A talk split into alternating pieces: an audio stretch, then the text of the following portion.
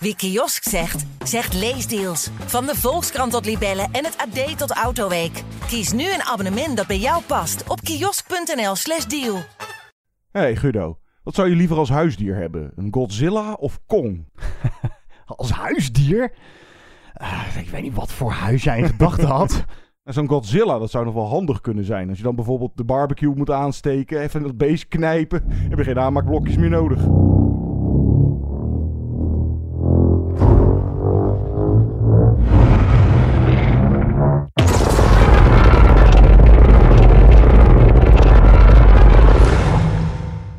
Hi, this is Bob Odenkirk. I'm from Breaking Bad and Better Call Saul. You're listening to Movie Insiders.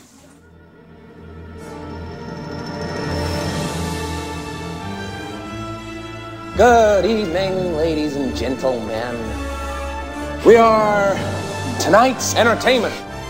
Movie Insiders. They're here.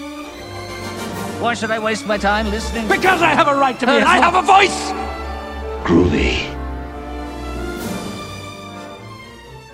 Hallo allemaal en welkom bij Movie Insiders, de filmpodcast van het AD, die je ook kan vinden op platforms als Spotify, Apple Music en Google Podcast. Mijn naam is Guido. En mijn naam is John. Ja, de bioscopen zijn weer open en ze doen het goed. Een hele stormloop eh, las ik. Vooral voor Slag om de Schelde.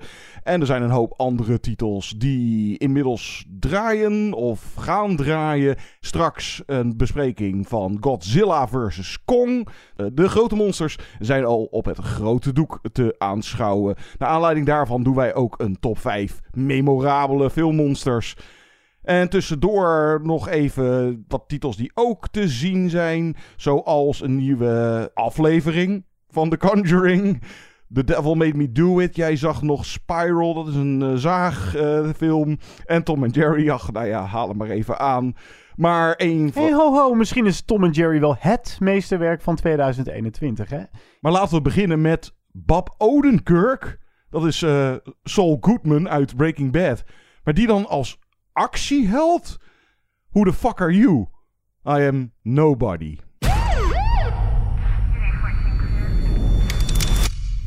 So they took maybe 20 bucks and an old watch? Mr. Matson, did you even take a swing? No. Could have taken her, Dad. Heard you had some excitement last night. I wish they'd have picked my place, you know? Why didn't you take him out? I was just trying to keep the damage to a minimum. Yeah, how's that working out for you? You okay? Because you don't look okay. There's a long dormant piece of me that so very badly wants out. What are you still doing here, old man? I'm gonna fuck you up.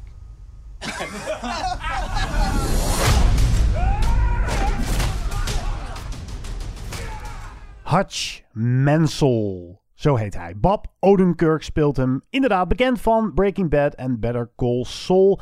En het lijkt een doodgewone, brave huisvader die er een beetje doorheen zit. Zijn twee kids en zijn vrouw Becca, gespeeld door Connie Nielsen, kijken al een tijd lang dwars door hem heen. En in het begin van de film volgen we een beetje zijn dagelijkse ritme. Dan vergeet hij weer de vuilnis buiten te zetten. Dan mist hij weer de bus naar werk. En dan groet hij weer braaf de buren. Tot het moment dat er bij hem thuis wordt ingebroken. En dat is het moment waarop hij zijn mannelijke spierballen kan laten zien.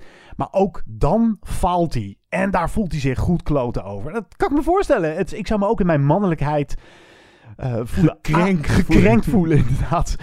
Dus denkt hij: I am gonna fuck them up. En dan komen we er ook achter waar de titel op slaat. De film is geschreven door Derek Kolstad. En die is ook verantwoordelijk voor de John Wick films. En dat merk je. En de regisseur eh, heet is ene Ilya Naishali. Een of andere Rus. Een Volgens mij is dat die knakker van eh, dat Hardcore Henry. Hardcore. Henry. Ja. nooit gezien. Maar goed. Ja, John, zou dit wel eens de guilty pleasure van het jaar kunnen zijn? Nou, dat zou heel goed kunnen. Want nou, ik ging echt. Dat is het, misschien ook wel het gaafste bij zo'n film als deze. Om er echt zo goed als blanco in te gaan. Ik had er geen trailer van gezien. Ik had wel. Ik, ik wist dat de film bestond. Ik wist dat Bob Odenkirk erin zit. En, mijn verwachting was, nou ja, meer een soort. iets van een misdaaddrama of zo. En nou, dat, dit was dan in dat opzicht toch een verrassing. En inderdaad, zo'n guilty pleasure vibe. En is dit een echte dik flik? Nou ja, misschien minus de male gaze of minus de naakte chicks erin dan. Maar ja, dit is denk ik wel echt zo'n eh, film die gemaakt is voor een groepje jongens. Een paar biertjes erin, onder elkaar. Lekker keten en, en, en lachen. Want ja, dit is wel... Want hij zit in, nou ja, je zou het kunnen noemen, een soort van midlife crisis-achtig. En dan het midlife escapisme. Ofwel ook, uh, hij heeft zo'n, ja, in, het begin van de film zie je die routine, die sleur. Maandag, dinsdag. Het gaat ook op een gegeven moment heel vlotte montage gaat het er dan doorheen. En dan door die inbraak, ja, wordt er iets in hen getriggerd. En tijdens de film schoot al direct A History of Violence ja, uh, met de binnen. mij van, ook. Uh, David Cronenberg, waarin Viggo Mortensen, Aragorn uit The Lord of the Rings... Nou, die was dan in het verleden een gangster. En hier bij Bob Odenkirk. Nou, het is tijdens de film ook eigenlijk niet direct zozeer duidelijk wat hij. En gaandeweg de film wordt het iets meer zo van: oké, hoe zat het met zijn verleden? De film wordt eigenlijk steeds meer zo'n Liam Neeson tekenachtige film. En het wordt steeds bruter. Want het. Vooral die eerste echt grote actiescène fantastisch. Die in de bus. Die is goed, hè? Zit je nog wel een beetje zo van... Is hij nou gewoon inderdaad zo'n midlife crisis doorsnee burger... die het gewoon een keertje van zich af moet mappen? Of heeft hij toch in het verleden wat anders uh, uitgespookt? Ja, het aardige van die busscène is dat hij... Ja, ik weet niet in hoeverre we moeten spoileren... maar laten we het erop houden dat hij moet er nog een beetje inkomen. Dus daar krijgt hij echt nog wel even wat klappen. Maar gaandeweg het gevecht weet hij steeds beter van zich af te beuken. En ja, dan weet je toch wel zo goed als zeker, deze man heeft uh, History of Violence. En het leuke van, jij zegt de History of Violence kwam natuurlijk bij mij ook bovendrijven. Dat is een film die ook, dat ben je gewend van een filmmaker als David Cronenberg, die verkent het onderwerp de aantrekkelijkheid van geweld. En nou ja, dat is een, een film met een wat diepere laag of twee, drie. Dat heeft Nobody niet. Nobody gaat maar voor één ding en dat is de adrenaline, de kick. En dat vond ik even jammer. Ik dacht, nou, daar zal toch nog wel iets gebeuren met dat satirische begin. Want ik dacht in het begin echt, oeh, dat wordt een beetje een soort zwarte comedy. Nou, dat blijft wel de rest van de film het aanwezig. Het blijft wel, maar het is een volbloed actiefilm in de stijl van John Wick. Met de meest onmogelijke choreografie en vuurgevechten. En ik dacht ook, ben ik nou gek of zit ik hier zo intens van te smullen omdat het, nou, corona is eh, of is geweest. Ik zag hem best al een tijd terug, een paar maanden geleden. En ik dacht, wauw, dit is eigenlijk de perfecte anti-quarantainefilm of een soort van op afstand afreageren. Alle opgekropte agressie, die kan je kwijt als kijker naar Nobody. Ja, en dan is het ook nog eens zo dat uh, iedere actiescène, en dat zit er best een hele hoop hier in, is weer de overtreffende trap van de vorige. Het wordt ook steeds gekker, zou je kunnen zeggen. Er zit een gave shootout in en een chase en noem het allemaal maar. En dan is het ook nog eens enorm gaaf gefilmd en gaat het, in dat uh, visueel gaat het lekker los. Maar vooral ook Bob Odenkirk. What the ja, fuck? Uh, kijk, ja, we kennen hem, of men zal hem kennen uit Breaking Bad, Better Call Saul. Verder qua films uh, heeft hij echt ook een hele hoop gedaan. Maar dat zijn meer van die American Indies, van die independent films. Die, nou ja, niet de grote blockbusters. Als hij daar al in zat, had hij iets van een bijrolletje of zo. En dan ga je je ook zitten afvragen van deze regisseur of uh, de, de producenten. Dat, hoe kom je er dan bij om hem te vragen nou, of nou, hem nou. te casten? Jij hebt hem geïnterviewd? Ik heb hem geïnterviewd, maar het is ook uh, misschien al goed om te weten dat Bob Odenkirk een van de producenten is van deze film. En volgens mij uh, was dit ook min of meer wel zijn eigen idee.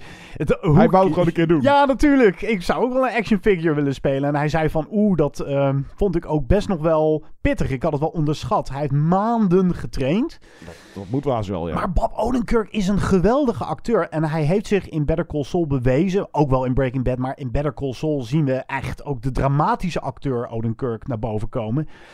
En hij heeft een soort geloofwaardigheid. Hij heeft iets triest, maar je, je ge- gelooft hem ook direct als actieheld. Ik heb geen moment gedacht, ja, dag.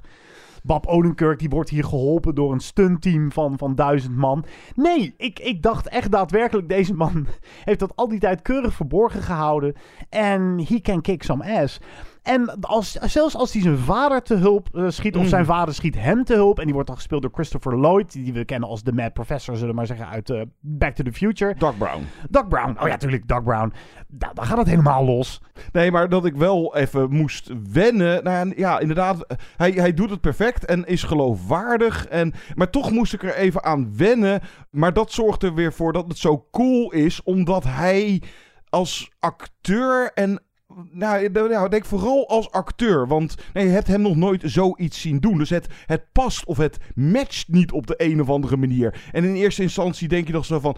Ja, hebben ze dit ook bedacht als een soort van ja, goede grap? Of dat nou, bijvoorbeeld Tom Hanks opeens zoiets zou doen. Nou, zo'n shock is dit dan nog net niet. Maar ja, het is wel inderdaad even zo van... Oh, what the fuck? Die film gaat inderdaad de, die kant op. En dan nog Christopher Lloyd erbij. eh, die eerst eh, als bejaarde braaf in zijn stoel zit. Maar op een gegeven moment... eh, nou, laten we dat even voor ons houden. Maar dit zorgt uiteindelijk voor anderhalf uur gewoon puur plezier. En het zwart-komische blijft constant aanwezig. Je kan het nooit echt serieus nemen. En gelukkig wordt het ook nooit melig. Ik vond het deze net iets fijner ook wegkijken dan bijvoorbeeld die John Wick films. Zeker qua actie en, en qua visuele stijl is hij daar enorm vergelijkbaar mee omdat het zwartkomische ondertoontje hier nog, nog meer aanwezig is dan in die John Wick films. En verder de bad guy of bad guys die erin zitten, zijn oké. Eh, Black Russian moest ik wel erg om lachen. En eh, hij is ontzettend strak gemaakt. Eh, ja, dit is ja, Guilty Pleasure 2021. ik denk dat die binnen is. Ja, ik wist dit. Ik wist dat jij hiervan zou gaan smullen. We kennen elkaar goed genoeg. Bob Odenkirk als huisvader from hell. En wat ik ook wel lekker vind, ik haalde eerder aan dat het geen history of violence is met diepere lagen. Maar wat ik zo prettig vind, is dat deze film... Wil dat ook niet zijn, maakt dat heel snel aan de kijker duidelijk. Het, het is wat het is. Take it or leave it. Ik heb ervan genoten. Give me the fucking kitty cat bracelet. Ho, ho, ho. Die recensie van Tom en Jerry komt straks, hè?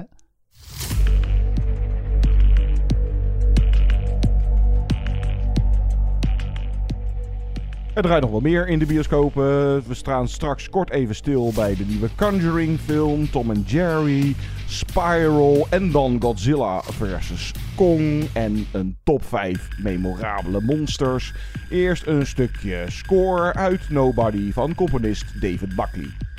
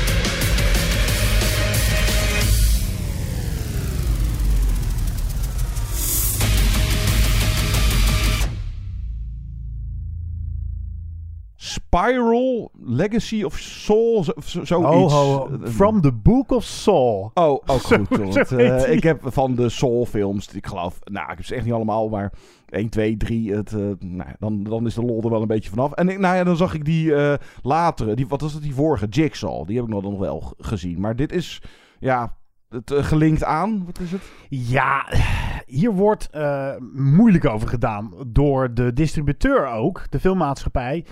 Die wees mij op ehm, het gegeven dat ze deze film graag neerzetten als een thriller en niet als een horror. En toen dacht ik al, hmm, ja, dan voel je al een soort van nattigheid.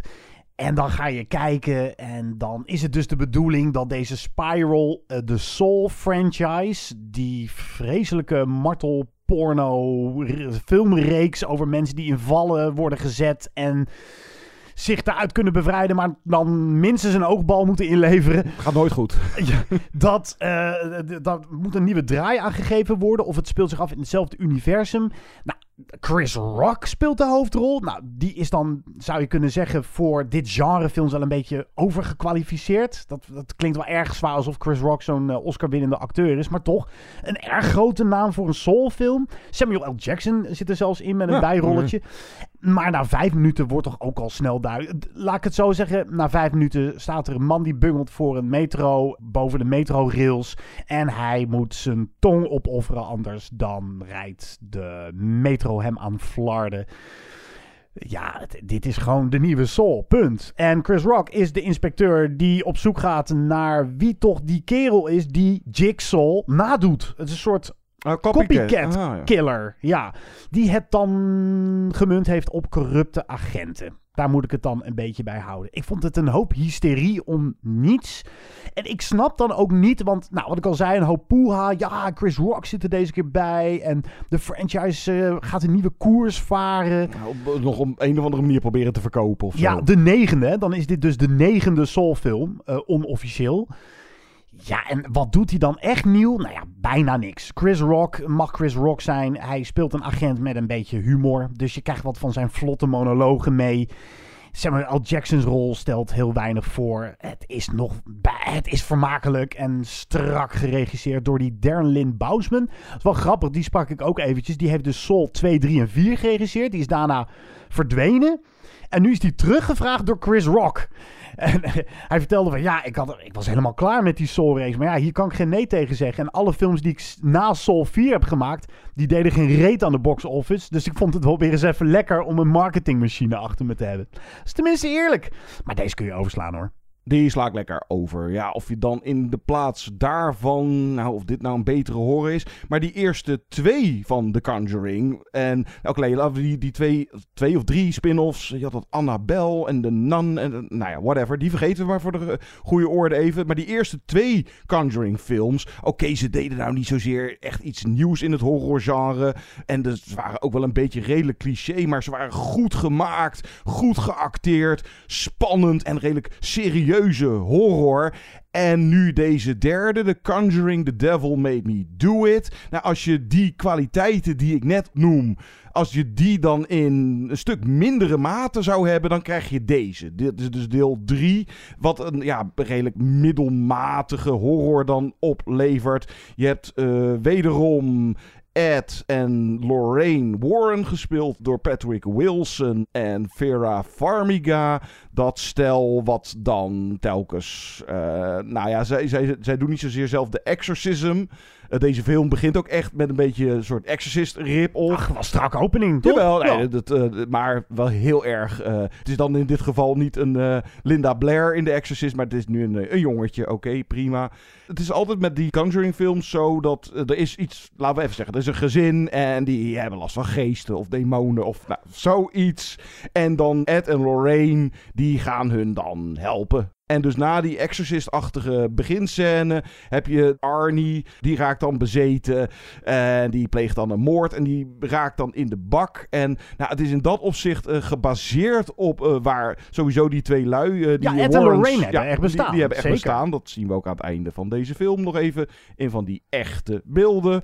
Maar nou, en deze zaak heeft ook echt bestaan. En dit was dan in ieder geval in Amerika voor het eerst dat er in de rechtszaak dan ook werd aangekaart van hij is tussen aanhalingstekens onschuldig vanwege demonic possession. Oftewel, uh, hij is er niet zelf verantwoordelijk ja, The devil voor. made me do it. Ja, the devil made ja. me do it. nou, en dan gaan de Warrens uiteraard op onderzoek uit. Ik vond het wel een prima horrorfilm. Goed genoeg gemaakt. Hij is niet geregisseerd door James Wan, die de eerste twee maakte, maar door een ander. Ik ben even zijn naam kwijt. idee. Uh, Doet geen, ook niet zo heel veel. Maar je merkt gewoon dat dus The Conjuring, de eerste twee films, best wel door de regisseur de middelmaat ontstegen. Ja, en de acteurs en, Nou ja, en, de, en de scripts. En, Dat vind ik ja. dan toch wel leuk weer aan deze Conjuring. Ik ben wel een beetje vertrouwd geraakt met Ed en Lorraine. Weet je, maak maar een tv-serie met die twee. Volgens mij is dat best leuk. Het gekke is wel, het is dus gebaseerd op een waar gebeurd verhaal. Even de geesten weggecijferd. Maar het voelt nooit als een waar gebeurd verhaal. Het voelt gewoon als een ordinaire horrorfilm. En dat Ja, dat, raar. dat bedoel ik. Zeker ten opzichte van die eh, vorige twee gaat deze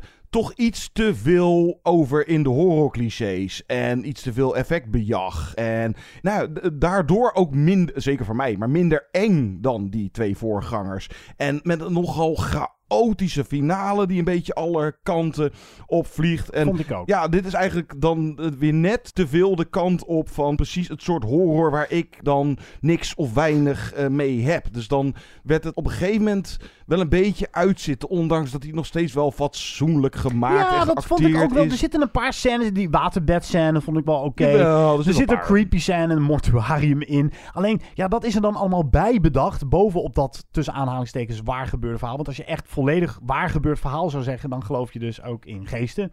Want daar, ja, deze film wordt verteld vanuit min of meer Ed en Lorraine. Dus gaat mee met hen en hun geloof in het bovennatuurlijke. En deze film leed ook nog wel iets meer onder het feit eh, dat je dus die twee, laten we even zeggen, die twee verhaallijnen naast elkaar hebt. En dat met die Arne, dat, ja... Dat, Het is dat ook niet de juiste acteur Nee, daarvoor. ja, het zit er ook nog naast. En, en dat, het komt er zeker in het laatste half uur, wat ik al zei, wordt het een beetje een zooitje. En, en oh, dat gebeurt daar en dat gebeurt daar. En, en dat zit zo. En het, eigenlijk, uiteindelijk is het allemaal heel simpel hoe het nou zit. En dan krijg je een beetje een soort van zoetsappig achtig einde eraan. En nou, ik zat aan het einde van deze film wel zo van, nou oké, ik hoop dat ze nu hier dan wel klaar mee zijn. Dat doet niet nog maar meer van deze. Want Oh, dat vind dan- ik wel. Nou, ik denk dat... Ik wil meer Ed en Lorraine zien. Mm. Maar wel een, een film die dan wel beter is dan deze. Maar ik vond hem wel, oké, ik heb hem goed vermaakt. Hij is te goed gemaakt om hem af te schrijven. Maar als je echt de chills wil krijgen... Aan het einde krijg je dus wat, wat eh, echte footage te zien. En ook die audiotape van dat bezeten jongetje.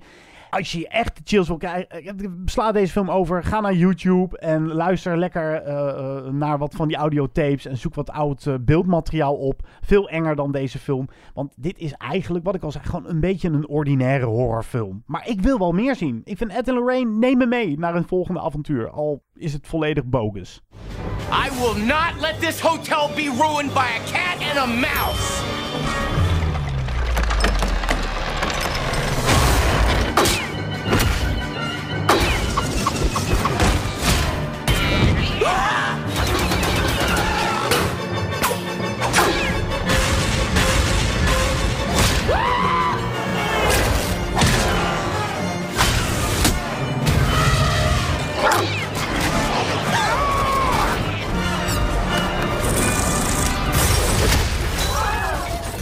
Guys gotta stop fighting. Het draait ook nog iets heel anders eh, dan eh, al die horrors. Eh, heel kort dan even. Een Tom en Jerry film. Maar dan Oh, niet ja. geanimeerd zoals vroeger. Maar leg heel kort uit. Wat de fuck is het? Chloe Grace Moretz. Oh, die. Ja. Eh, hoe heet ze? Hit Girl. Hit Girl Ja. uit Kick-Ass. Die speelt hoofdrol. Die beluft zichzelf naar een baantje in een viersterrenhotel. En in dat hotel komt een celebrity koppel om daar een bruiloftsfeest te geven. Alleen Jerry, de muis die daar is ingetrokken, maakt er een tyfuszooi van. En dus gaat Chloe Grace Moretz op zoek naar Tom. En dan kan Tom lekker op Jerry in het hotel gaan jagen. En dan, krijg je ook de merkwaardige situatie dat je dus moet opnemen voor Tom. Tom was toch altijd de bad guy in de oude cartoons. Dat vond ik al heel raar. Nou, kinderen krijgen dus het lesje dat als je met een eh eh, eh, vervalste cv komt, dat je dan ook best succes kan krijgen en een baan kan scoren. en en wat, wat ook heel raar is, dat is altijd spannend met dit soort mixjes tussen live action en animatie. Hoe doen ze dat? Hoe verklaren ze die wereld? En hier is het gewoon zo dat alle dieren zijn gewoon getekend. Punt. Ook een goudvis die je dan ergens op een bureau ziet staan in een vissenkom. En dat is even grappig, maar het werkt gewoon niet dat je een cartoon... En ik vind Tom en Jerry is echt fantastisch. Het dateert helemaal van de jaren 40 trouwens. Hè? Ja, Die- zoiets, die- ja, ja. en dat is gewoon elkaar tien minuten lang de hersens in beuken. En dat was het. En nu ga je er dus een heel narratief omheen breien.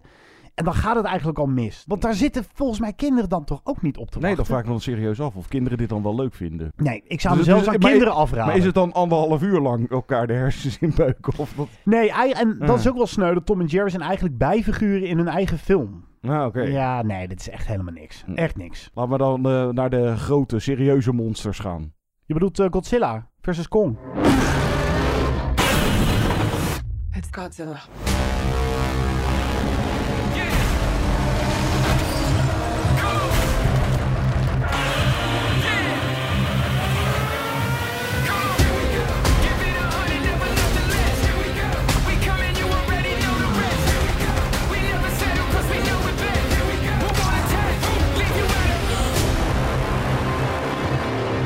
These are dangerous times. Godzilla's out there and he's hurting people, and we don't know why. There is something provoking him that we're not seeing here. I'm of the same opinion. The myths are real. Yeah. There was a war. And they're the last ones standing. I keep reaching for greatness because I'm built from it.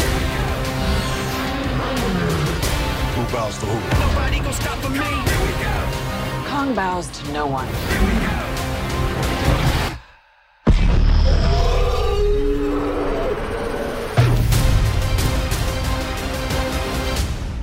Godzilla vs. Kong. De titel laat niet echt veel aan de verbeelding over. En je hoeft ook echt niet meer te verwachten dan die titanenstrijd. Waar naartoe werd gewerkt met de nieuwe, tussen aanleidingstekens, Godzilla uit 2014 was dat. Dan had je sequel King of the Monsters. En daartussen zat nog eh, Kong Skull Island. Ook hier lopen uiteraard nog wat mensen in rond, zoals Millie Bobby Brown, Eleven uit Stranger Things. En dan haar vader, gespeeld door Kyle Chandler. Die hebben het vorige deel overleefd. En je hebt nieuwelingen als eh, Alexander Skarsgård en Rebecca Hall. Maar ze zijn er eigenlijk allemaal vooral om aan te geven waar de monsters zijn of wat die monsters aan het doen zijn. Guido, is deze film misschien alleen geschikt voor mensen die een monster mash tussen een uit de kluiten gewassen aap en nucleaire hagedis willen zien? Of ook wel voor anderen, zeker nu, een tripje naar de bioscoop waard? Nou, ik denk vooral voor die eerste categorie. Hier, Ja, ja, hier moet je echt zin in hebben. En anders kan ik echt wel andere spektakelfilms bedenken die leuker en beter zijn. En waar je ook van kan genieten op het grote scherm. Tuurlijk, ik heb hem in de bioscoop gezien. En eh, helaas moest ik wel weer een 3D-bril op. Ik was echt serieus, John, helemaal vergeten Dat dat, dat bestond. feno- ja, dat, Ja. dat fenomeen überhaupt bestaat. Moest ik weer zo'n bril op mijn kop zetten. Echt, ik vind er geen hol aan. En ik vond aan deze film ook vrij weinig. Kijk, de gevechten zijn ja, gewoon wat je mag verwachten. Het ziet er goed uit. Ja, het, de special effects zijn grandioos. Ik kan niet anders zeggen. Eh, er zitten twee grote gevechten in. Tussen Kong en Godzilla. Eentje op zee, een beetje halverwege. En aan het einde, dat vond ik wel grappig. Het is- speelt zich dan af in Hongkong. Die twee beginnen... Hong Kong. Hong, ja, Hong King. Hong King. Hong King Kong. Hong King Kong. Tussen de neonhoge gebouwen, waardoor je het idee hebt alsof ze met z'n tweeën aan het uh, discobolen zijn. Daar moest ik aan denken.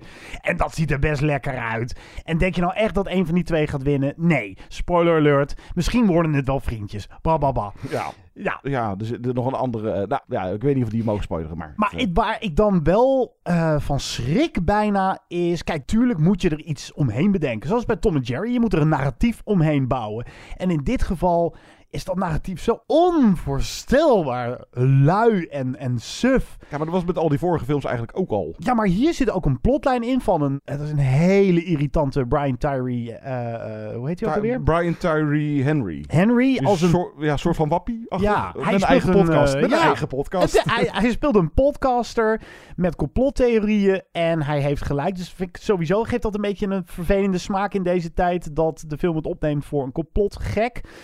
En Millie Bobby Brown is dan een fan van die podcast. En met z'n twee. Nou, het komt erop neer dat je helemaal aan het einde van de film. kan je gerust de conclusie trekken. dat die volledige verhaallijn had geschrapt kunnen worden. Die is bijna volledig overbodig. Ja. Het heeft geen gevolgen Nee. voor de plot. En dan heb je er nog een bad guy in zitten die standaard met een glas whisky in zijn handen staat.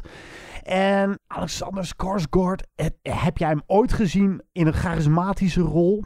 Eh, nee, ja. ik vind hij dat staat zo'n dooie. staat dan te boek als een enorme hunk. Eh, ja, mijn vriendin vindt hem ook heerlijk. Ik- nou ja, het, het zal wel. Het zal wel, maar nee, dat eh, komt in ieder geval niet uit zijn rollen. Zodra er een mens zijn muil open doet in deze film, gaat het helemaal fout. Ja, dat is het probleem met deze film. Kijk, dat het sowieso verstand op nul en dom vermaak is. Maar dan zie ik echt tien keer liever nog een keer Nobody. Of misschien zelfs nog wel iets meer plezier aan bijvoorbeeld een Mortal Kombat. Kijk, op zich is deze film dan gelukkig niet te serieus. Maar het is ook weer niet, ja...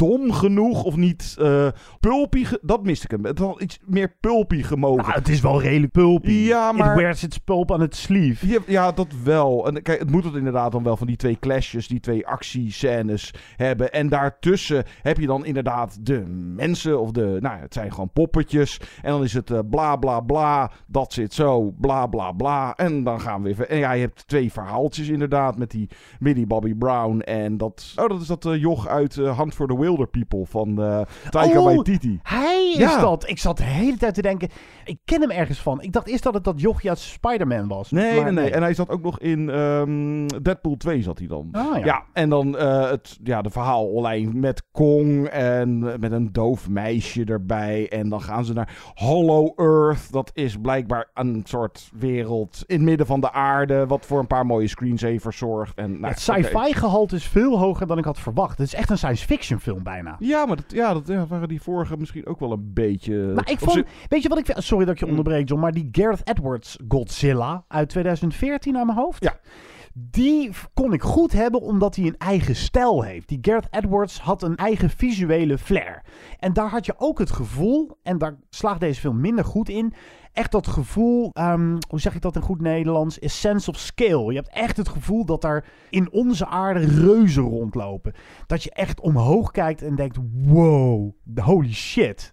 Uitkijken. En dat had ik hier eigenlijk nooit. Hoe Nee, komt dat nou? ja, omdat- Zit hem dat in het camerawerk? Zit hem dat in de belichting of zo? Ik weet het niet. Nou ja, maar- ook misschien doordat de verhaallijn inmiddels dus... eh, nou, eh, die Kong Skull Island was op zich nog wel aardig tussendoortje. Dat was dan zoveel decennia eerder. eh, nou, eigenlijk gewoon een soort nieuwe King Kong verfilming was dat. Maar die vorige, die King of Monsters. En hier, nou, het is inmiddels al zoveel verder... dat ja, de aarde wordt nou eenmaal bevolkt door die titanen. Die zijn En daar kunnen ze ook niet meer iets eh, suspensevol mee doen of zo. Ja, maar het zit Dat- hem toch ook in de visuele aanpak, heb ik Ja, het idee. Ik kijk liever nog een keer die oude Godzilla, waar de mensen ook geen ruk voorstelden. Dus je kan wel degelijk een bevredigende film maken waarin de monsters alleen de attractie zijn.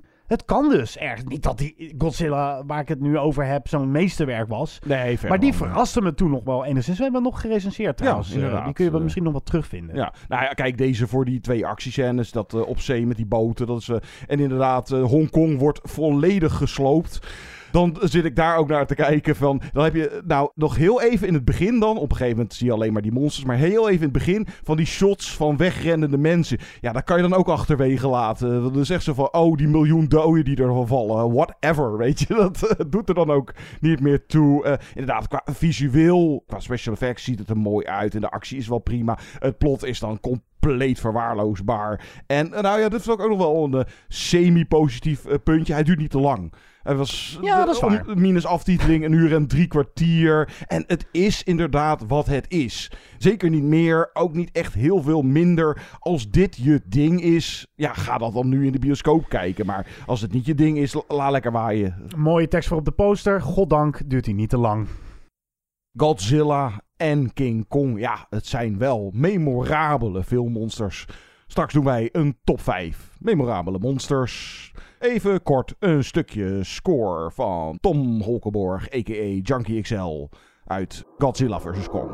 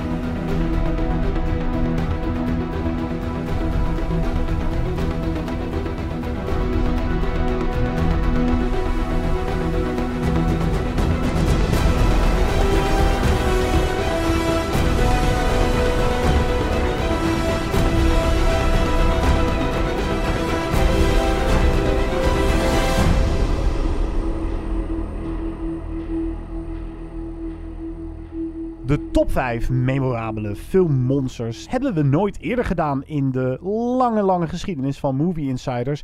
En dat hebben we wel eh, vaker gedaan, dat we een top 5 laten liggen, omdat we bang zijn dat we toch te veel gelijken zullen hebben. Maar, ja, daar kom je niet echt omheen. Denk ik. Ja, deze keuze zat. Maar, Zeker. Ja, Maar dat is ook maar net wie jij, eh, of wat jij verstaat onder een filmmonster. Want Ik wil wel dat, eh, dat ik niet een mens zie Ja, lopen. Inderdaad, dat zat ik ook zo van. Met ja, niet- toevallig spijkers in zijn kop, zoals Ja, bij Hellraiser. Nou ja, of, ja geen, geen mensen tussen aanhalingstekens. Of ja, Dracula of eh, Jason uit Friday the 13th. Of, ja, ja, of zeker niet een Hannibal. En ik ben dan uiteindelijk ook niet voor deze gegaan. Maar Jaws, dat is gewoon een grote vis. Punt. Daar komen we misschien nog op terug. Mag ik beginnen, Ja, John? doe maar. Ik ga voor mijn nummer 5. Ja, dit vind ik een leuk gevalletje. King Kong uit 2005 van Peter Jackson. Ik denk namelijk dat dat voor het eerst in jaren is dat ik op het grote witte doek een filmmonster zag die echt met charisma tot leven werd gewekt. Peter Jackson kwam weg met die film. Eh, de special effects waren dankzij eh, Weta. Dat is een, inmiddels een groot bedrijf dat ook weer is opgegaan in een ander bedrijf, geloof ik. Van special effects na The Lord of the Rings. Hè, Gollum werd daar tot leven gewekt door middel van motion capture. Oftewel, een mens doet een performance, allemaal stickertjes op zijn lijf. En daar wordt dan een monster omheen gebouwd. Gollum. En dat gebeurde dan ook in King Kong. En dat vond ik verbluffend uitpakken. En dat Peter Jackson wegkomt in die film met geloofwaardige scènes tussen een reuzenaap en Naomi Watts. En dat die twee daadwerkelijk een soort ja, non-verbale connectie hebben en voelen. Ik heb altijd al een beetje een zwak gehad voor deze King Kong. Die veel te lang duurt. En Peter Jackson neemt veel te veel hooi op zijn vork. En de special effects afgezien van de mimiek van King Kong, nou, het is zwaar achterhaald. Eigenlijk toen ook al, toen die draaide. Zodra de dinosauriërs in beeld komen, denk je, oeh, ja, het kan net. Maar het werkt als de film zich focust op Kong. En het werkt zelfs als Kong een potje gaat schaatsen met Naomi Watts in Central Park. En dat is toch knap. Dan mijn nummer 5. Ik zat even te denken van animatie. Nou ja, mijn, mijn neighbor Totoro, nou, dat is niet echt een monster. Maar ja, nou ja, je, je kan inderdaad ook van die lieve, aardige Monsters Inc. van Ah, Pixar. Ja, leuk. Ja, waarom ook niet? Uit 2001. Je hebt eh, Mike, dat is die, ja... Die grote pulk met, met een oogbal erin. Mike Wazowski. Ja, Mike Wazowski. eh, ja, die, die is gewoon grappig. Eh, komt ook door het stemmenwerk van, wat is het, Billy Crystal. En dan John Goodman doet eh, Sully.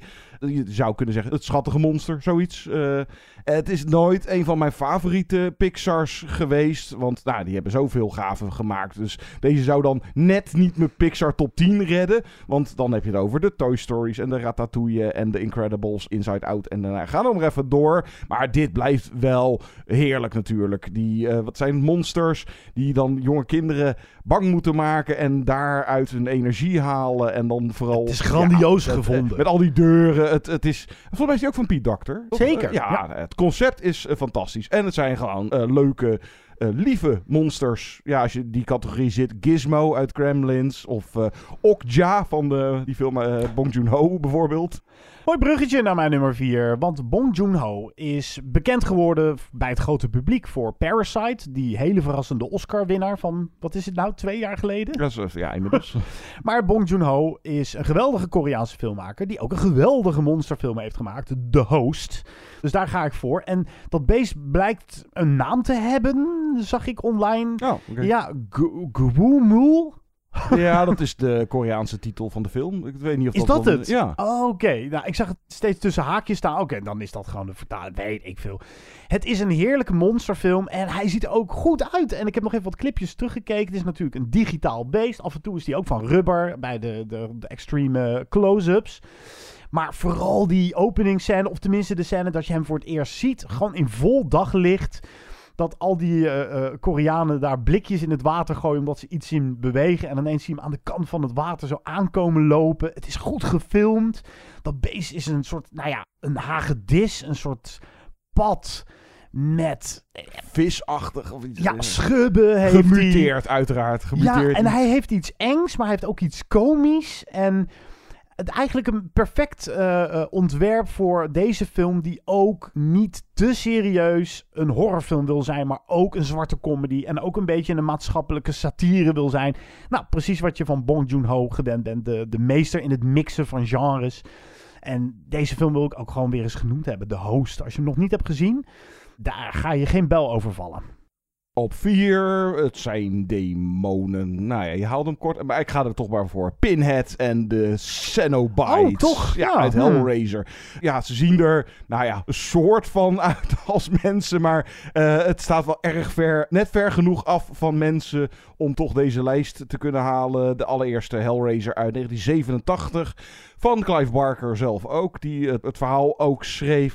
Ja, en als je dit nog nooit gezien hebt, nou ja, volgens mij heeft iedere filmliefhebber, weet in ieder geval, ook al heb je de films nooit gezien, weet wel hoe die figuren eruit zien. Het is dus, ja, met SM en piercings of goths en dan extreem doorgeslagen, zeg maar. En die zien ook echt goed freaky uit, met gave make-up. Dat is sowieso altijd nog steeds een dingetje van, ik wil niet CGI-monsters, want die hoe goed ze soms ook gedaan is, eh, zijn. En kijk, met zo'n King Kong eh, die jij aanhaalde. Nou, daar werkt het dan Ja, en de host werkt het dan ook werkt wel. het ook nog wel. Maar over het algemeen, eh, het is niet tastbaar. Het is niet echt. En kijk hier, dit zijn sowieso natuurlijk mensen met make-up. En wat is het? een heel Black Decker doosje spijkers in je kop, zeg maar. Een wandelende gereedschapskist of zo. Zoiets, inderdaad. Maar die moeten trouwens een keer rewinden. Hellraiser.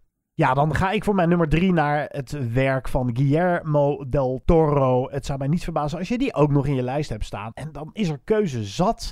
Ik wil niet alle gras voor je voeten, eventuele voeten wegmaaien, maar... eh, hij won een Oscar voor The Shape of Water. Daar zit een geweldig zeemonster in die verliefd wordt op Sally Hawkins. Prachtige film, prachtige film. Eh, Zwak voor deze film ook. De tweede Hellboy is zo heerlijk.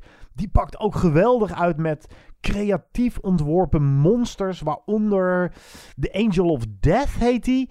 Nou ja, hoe moet je dat nou beschrijven? Eh, Met vlinderogen. En... Moet je zien, moet je zien. Dat kan je volgens mij onmogelijk beschrijven. Maar ik ga natuurlijk voor The Pale Man uit. eh, zijn absolute meesterwerk. Pan's Labyrinth. eh Spaanstalige film. Doug Jones, een van zijn vaste acteurs die ook het monster speelt in The Shape of Water, speelt hier eh The Pale Man. Hij speelt wel vaker in ru- rubberen pakken een, een beest, een monster. En hij heeft zijn ogen in de palmen van zijn hand zitten. Hij ziet er verder nogal uit als, nou ja, een beetje een, een hoogbejaarde, seniele... Ja, loshangende huid. bejaard- loslange, ja, loshangend huidje.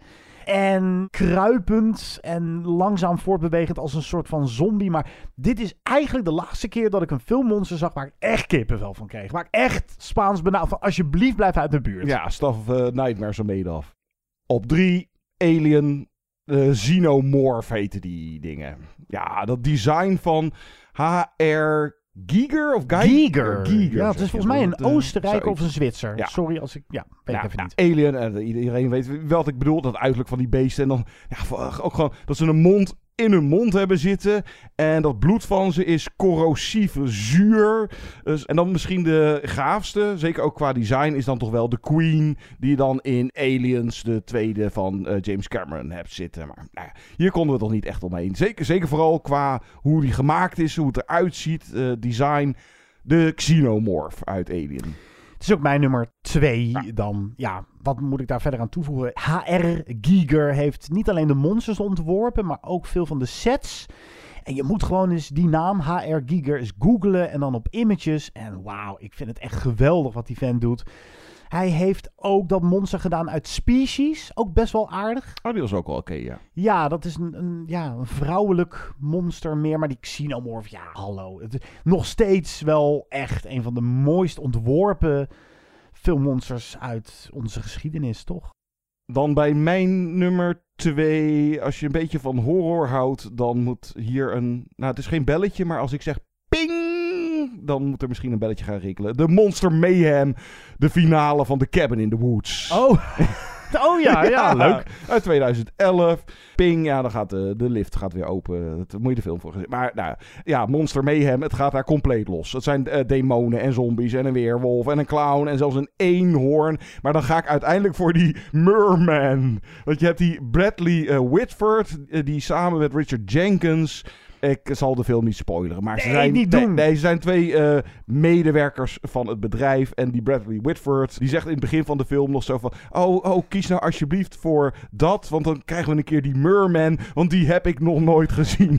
en, en wat gebeurt er aan het einde van de film? Nou, vul hem zelf maar in. Oeh, eigenlijk zeg je al een beetje te Zet veel. ik nu al te veel? Ja, Nou, nou ja, dat is prima. Maar ik denk dat je dit wel weer kan vergeten als luisteraar. En Ik dat- spoiler niet zo heel erg, geloof ik. Je moet deze echt zien, The Cabin in the Woods, mocht je dat nog niet hebben gedaan. Want dat is echt een van de meest originele, maffe horrorfilms. Dat, dat dit gemaakt is überhaupt, is echt een wonder. En dan is het, ja, aan het einde van de, de, de grote finale is één grote monster extravaganza. Ja, het is alleen wel erg CGI, vond ik. Ja, dat, ja. Ja, sorry, ik ga voor Jaws, voor mijn nummer 1. Ja, Bruce the Shark. Steven Spielberg vernoemde het beest naar zijn advocaat. En weet je waarom? Kijk, het is geen echte haai. En het is ook misschien geen haai. Het is een monster. Het is meer dan een haai. Ze zeggen ook heel vaak in de film, Jaws, dit kan bijna niet. Dit, dit beest is te groot om door te gaan voor een witte haai. En hij ziet er ook anders uit. Het is namelijk een pop, maar het is op die manier... plastic, ja. ja, nee, nou, maar dat was voor mij als kind en nog steeds als ik Jaws zie, wel een, een soort excuus om hem te kunnen accepteren als zo ziet dit monster er nu eenmaal uit. En ik vond het dood en doodeng. En het blijft knap hoe Spielberg gebruik maakt van nou, eigenlijk het feit dat dat rubberen beest niet werkte. Ze moesten er omheen filmen. En ze zijn nog echte haaien gaan filmen in de zee, waar je dan af en toe dan een staart van ziet wapperen. Dat, dat is helaas ook wel een beetje zichtbaar. Had dan even gekeken naar de kleur van de zee. Maar goed, het werkt nog steeds. Ook al zie je de stiknaden lopen bij Ja, Bruce the Shark. Het, sta- het staat wel echt te boek als een filmmonster. Ja, Terwijl- man. Ja, kijk, als, het is gewoon een grote vis. Maar, Ja, ja, het is een dus, grote vis. Ja, ja zo is eh, King Kong is een grote aap. Dus ja, zo is eh, Bij eh, nummer 1 inderdaad. Van deze eeuw eh, Mr. Monster, Guillermo del Toro. Inderdaad, eh, Hellboy 2. Ja, vooral als in die monster underground wereld. eh, en die Angel of Death. En Doug Jones die doet eh, dus nou, die dan bijvoorbeeld. En nog een andere. Maar dan dus ook die Ape Sapien in beide Hellboy. En toen heeft Guillermo del Toro waarschijnlijk gedacht van... eh, nou, dat figuur, als ik die nou eens een romance geef... of hem seks laat hebben... dan krijg je de Shape of Water... Eh, maar ik ga uiteindelijk ook voor El Labirinto del Fauno. Die faun is trouwens ook gaaf. Ja. En dat is ook Doug Jones. Maar hij is inderdaad ook de Pillman. Kijk, ik zal er niet van wakker liggen. Maar daar heb ik wel eens een keertje in mijn droom geloof ik... dat ik zoiets van... de- dat je achterna werd gezeten door die Pillman... met die ogen in zijn handen. En dat, ja, dat is echt het meest memorabele monster...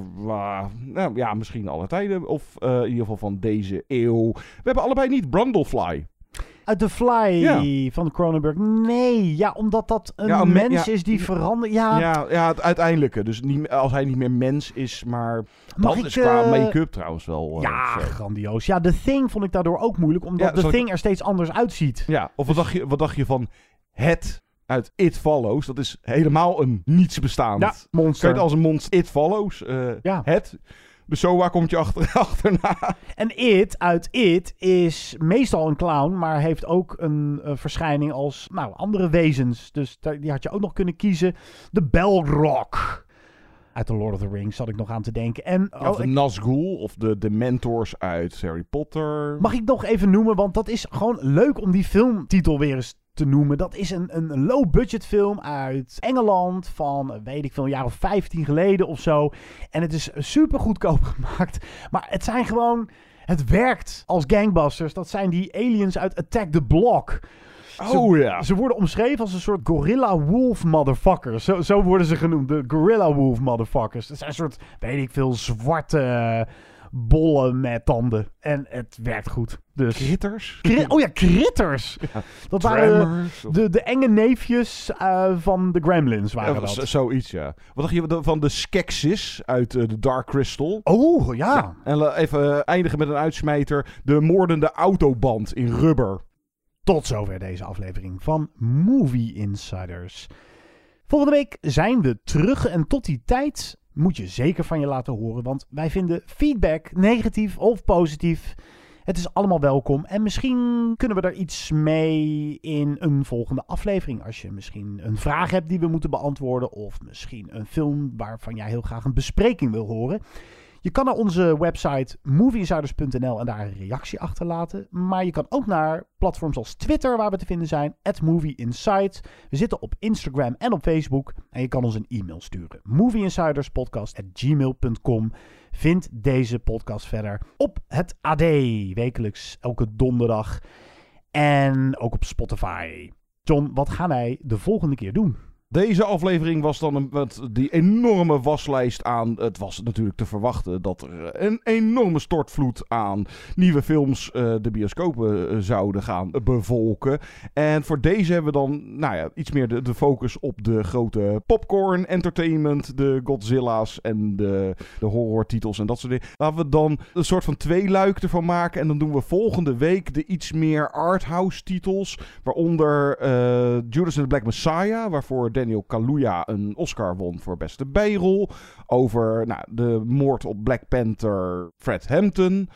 En First Cow, dat is echt Amerikaanse indie. Een nieuwe film van Kelly Reichardt. En dan, uh, want dat hadden we beloofd, we zouden deze podcast eigenlijk Chungking Express, een van de Wong Kar Wai titels, gaan doen. Waarvan op twee of drie na het hele oeuvre momenteel te zien is in de filmhuizen in re-release. Nou, die doen we dan ook volgende week, want die past daar wat beter bij.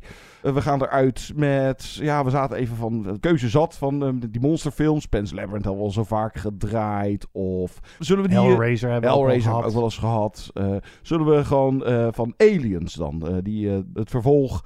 Die van James Cameron met de score van James Horner. Ja, en dit is zo'n stuk muziek. Uh, de track van het album heet Bishop's Countdown. Nou, die hoorde je eindeloos onder trailers, vooral in de jaren 90. Zou zomaar kunnen dat je dit stuk herkent. Lekker militaristisch eruit. Tot de volgende keer. Tot dan.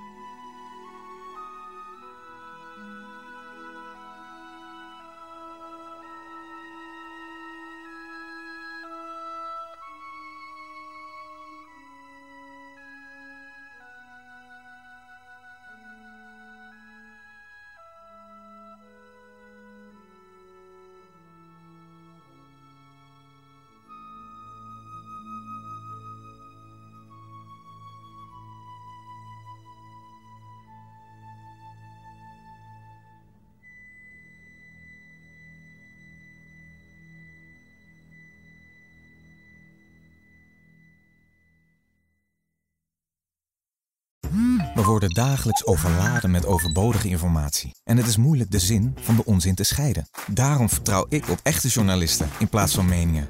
Een krantenmens heeft het gemakkelijk. Word ook een krantenmens en lees je favoriete krant nu tot al zes weken gratis. Ga snel naar krant.nl. Bezorging stopt automatisch en op deze actie zijn actievoorwaarden van toepassing.